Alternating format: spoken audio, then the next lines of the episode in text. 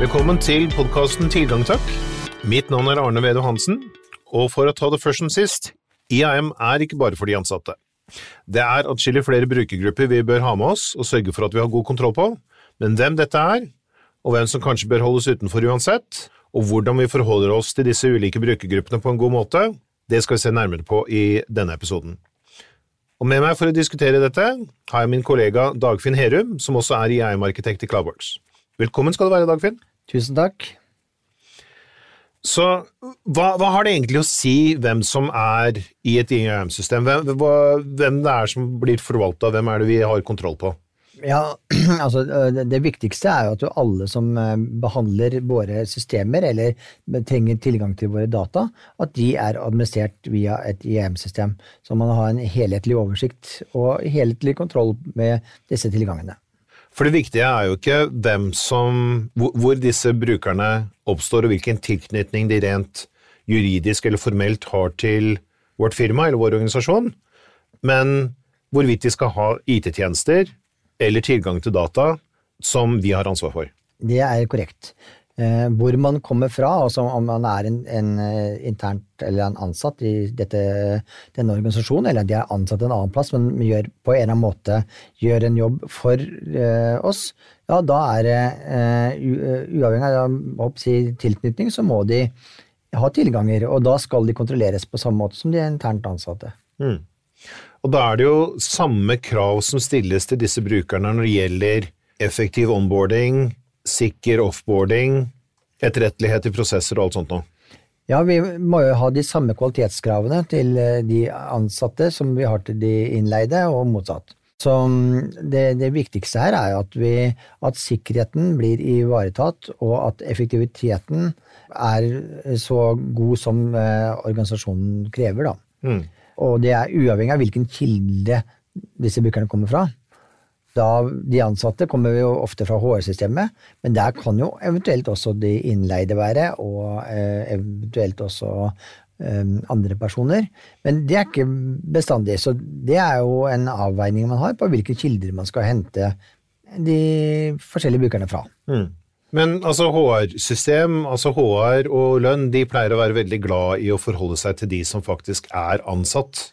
Hvilke andre typer steder er det man kan uh, regne med å finne brukere som er relevant for IT-tjenestene? Altså, det som Tradisjonelt så har man jo gjerne snakket om interne og eksterne, men det blir jo et veldig kunstig, kunstig skille når man skal levere, levere tilganger. Ja, man må jo i liten grad gi tilganger basert på hvilken tilknytningsform denne, den personen har til organisasjonen.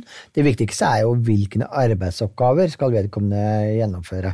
Og om det da er en innleid person som skal gjøre en oppgave, eller om det er en fast ansatt person som skal gjøre den samme oppgaven, så bør jo rettighetene sånn sett være like, da. Ja, for jeg har jo sett eh, hos eh, noen ulike kunder at de har personer som rent teknisk sett jobber for andre firmaer og egentlig er innleide konsulenter men som har sittet i en stilling og, og løst en oppgave i, i, mange år og er for alle praktiske formål en internt ansatt. Eh, helt riktig, og, og det, det, er jo ofte har det også vært egne si, avdelinger, som er hele avdelingen er egentlig leid inn.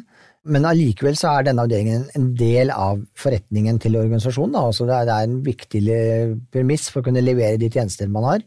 Og, og da er det viktig at man lar eh, tilganger og, og de, de, systemene de har, eh, gjenspeile dette her sånn. Det har jo tidligere vært eh, veldig mye fokus på bare å ha de ansatte i HR-systemet. Det ser vi jo nå at det er mer og mer på vei bort. Man har ganske store grupper av konsulenter som man ikke har en annen måte å få inn på da, enn i HR-system, så legger man det igjen der. Det kan også hentes inn brukere der en organisasjon kan opprette og administrere sine egne brukere, selvfølgelig og at man da legger det direkte inn i EM-system eller inn i en annen form for eh, database som man kan synke inn til.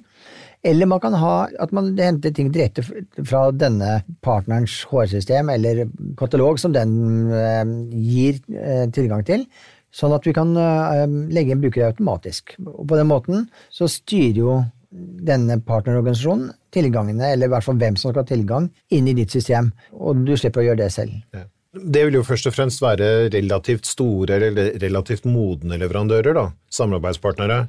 som er i stand til å kunne levere den type data og kunne sette opp den type integrasjoner mellom vårt IAM-system og deres IAM-system. Det er helt klart eh, litt viderekommende sånn sett, ja. Det er nok noen som har en, en modning på dette, og da er selvfølgelig modne på begge sider. Eh, at mm. både den organisasjonen som skal avlevere brukere, og den som skal motta brukere, må ha et god kontroll på, på sine systemer, da. Ja. Og en mellomting der er jo at uh, en som er ansvarlig hos leverandøren, ja. får begrensa rettigheter i vårt IAM-system til å kunne registrere sine egne brukere. Ja. Så lenge man har en måte å avgrense den tilgangen som, som man får i, i på en sånn måte. Ja, vi har uh, gjennomført det tidligere, en løsning der en kundes partnere kunne gå inn og registrere og, og stenge brukere og tildele de rollene som var aktuelle for akkurat den organisasjonen, da, eller den partneren. Uh, så, så da kunne denne partneren opprette bruker tildele rettigheter, men bare innenfor de få rollene som denne partneren fikk lov til å dele ut rettigheter på. Og så kan du også stenge kontoene på samme måte. Ja. Og gjerne med litt eh, god støtte på, på rapportering og, og, revisjon, slik at uh, brukere ikke blir liggende lenge etter at de har slutta hos leverandøren. Eh, det stemmer. Og her er, det, det, viktigste her er jo egentlig å påse at de som tildeler og tar bort brukere og rettigheter, faktisk er folk som eh, har et forhold til hvem disse brukerne er. Altså disse personene er. For det er, har vært en problemstilling når det gjelder eksterne brukere. Det er at det er jo ingen i vår organisasjon som egentlig har et forhold til hvorvidt vedkommende er ansatt eller ikke lenger i den andre organisasjonen som, som er leverandør her. Da. En annen brukergruppe som uh som gjerne har spesielle behov som eh, er annerledes, er jo kunder. Nå, nå, skal ikke vi gå i noe sånn stor dybde når det gjelder kunder, for det har jo vært en egen eh, episode bare for å kunne snakke om de, og snakke om det som kalles for eh, CIM. Men sånn veldig, veldig grøft, to ord om, om hvordan man håndterer kunder i sammenheng med IAM. Ja, så Du nevnte jo det at det er jo et eget uh, fagfelt, sånn sett, men kunder kan jo I noen uh, systemer så, så, er jo uh, kundene også egne brukere i, i, en del av våre systemer. Og man bør da kunne i hvert fall holde kontroll på disse systemene og se hvem er som har tilgang til våre kunder, og hvilken av våre partnere igjen har tilgang på f.eks. hvilke kunder. Mm. Så dette her er viktig, at man har et forhold til disse grensesnittene da, mellom kunde-IAM, altså customer IAM, og den egentlig interne mm, enterprise IAM-løsninga man har. Sånn at man kan styre på tvers av disse to systemene. Ja. Men som nevnt, CM er, blir da en egen eh, podkast. Ja. Hvis vi begynner å tenke litt mer sånn generelt med, med, hva det har å si for oss at vi har alle disse ulike brukergruppene, alle disse ulike stedene som, som brukere kan oppstå og komme fra. Ja. Hva, hva, har det å si til eierskapet til brukerdataene som vi har? Ja, og det, det er jo en av de tingene som blir litt mer komplekst, da. Fordi eierskapet til våre egne ansatte, det er jo kanskje HR-avdelingen som har. Men når det er eh, eierskap til partnere eller eh, leverandører eh, osv., så, videre, så er jo det noe som ligger hos de organisasjonene der ute. Eventuelt at man har en partneransvarlig f.eks. i vår organisasjon som kan kontrollere det. Det må man ta en gjennomgang på og finne ut, og basere på hvor store mengder brukere er vi snakker om der ute hos disse partnerne. Og det som er, man for all del må unngå, er at hvis brukere blir registrert direkte i IAM, at det blir stedet man registrerer og vedlikeholder brukere, så skal det ikke være IT og IT-avdelingen som er ansvarlig for disse brukerne. Det er eh, helt riktig. Det er viktig at man ikke sitter i en situasjon der IT blir eier av dataene. De skal bare være eier av systemet. Eh, en annen ting vi også må huske på her, sånn, er at det hender jo at en person går fra å være partner til å være ansatt, eller motsatt vei. Mm. Eh, så man må også eh, bygge inn logikk som håndterer at folk flytter fra den ene, altså fra å være en partner til å bli kanskje en leverandør, eller, og tilbake til å bli ansatt, osv. Disse endringene må man holde kontroll på, og, og det må man også da få gjort via IM-systemet. da. Men da handler det veldig mye om prosessen, altså når er det vedkommende må registreres i det nye systemet, hvordan syr IAM-systemet sammen kildedataene for å danne et komplett bilde av denne brukeren, Ja. uansett om det er fra HR-systemet eller leverandørsystemet eller hvor det er fra.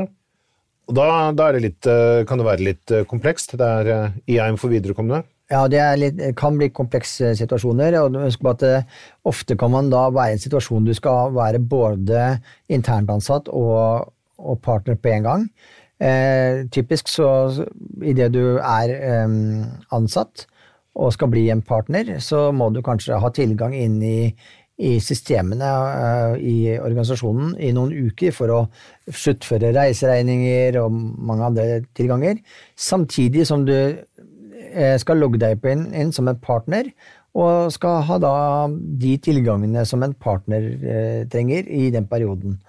Men selv om du som tidligere ansatt skal ha tilgang til innlevere reiseregninger og annet, så må vi da passe på at du ikke lenger får tilgang til de systemene som en partner ikke skal ha tilgang til, og de dataene en partner ikke skal ha tilgang til. Ja. Og alt det her må uansett, altså disse brukerne, uansett hvor de hører hjemme, hvilken leir de har et bein i, og hvilke, hvilke bein de har i, i bakken på en gang, så må jo alt omfattes av en helhetlig forvaltning og en helhetlig revisjon. Så man er nødt til å kunne se hele brukerlandskapet på en gang. Ja, det er viktig. En helhetlig, og også passe på at man kan håndtere de avvikene da, som dette her faktisk eh, Vi snakker om et avvik her når du bytter sånn. At det blir håndtert på, på en god måte, og, og, som sagt mest mulig automatisert, men det kan jo også være noen manuelle steg som skal til for å håndtere dette her, og det er jo basert på hvor stor organisasjon du har, hvor ofte er dette her en, en problemstilling. Mm. Det blir veldig fort en kost-nytte-vurdering rundt uh, hva, hva, er det hensiktsmessig å ta tak i, og hva er det, hva er det vi hvor er behovene våre? Ja, Kost-nytte og ikke minst risk tenker jeg er de, de, elementene vi skal ta med inn i den, i den avgjørelsen der. Mm. Eh, så ja. Nei, men da tenker jeg at vi har fått uh, dekket disse eksterne, disse brukergruppene og alt mulig på en, på en grei måte igjen. Ja, egentlig det. Si tusen takk for besøket. Takk for meg.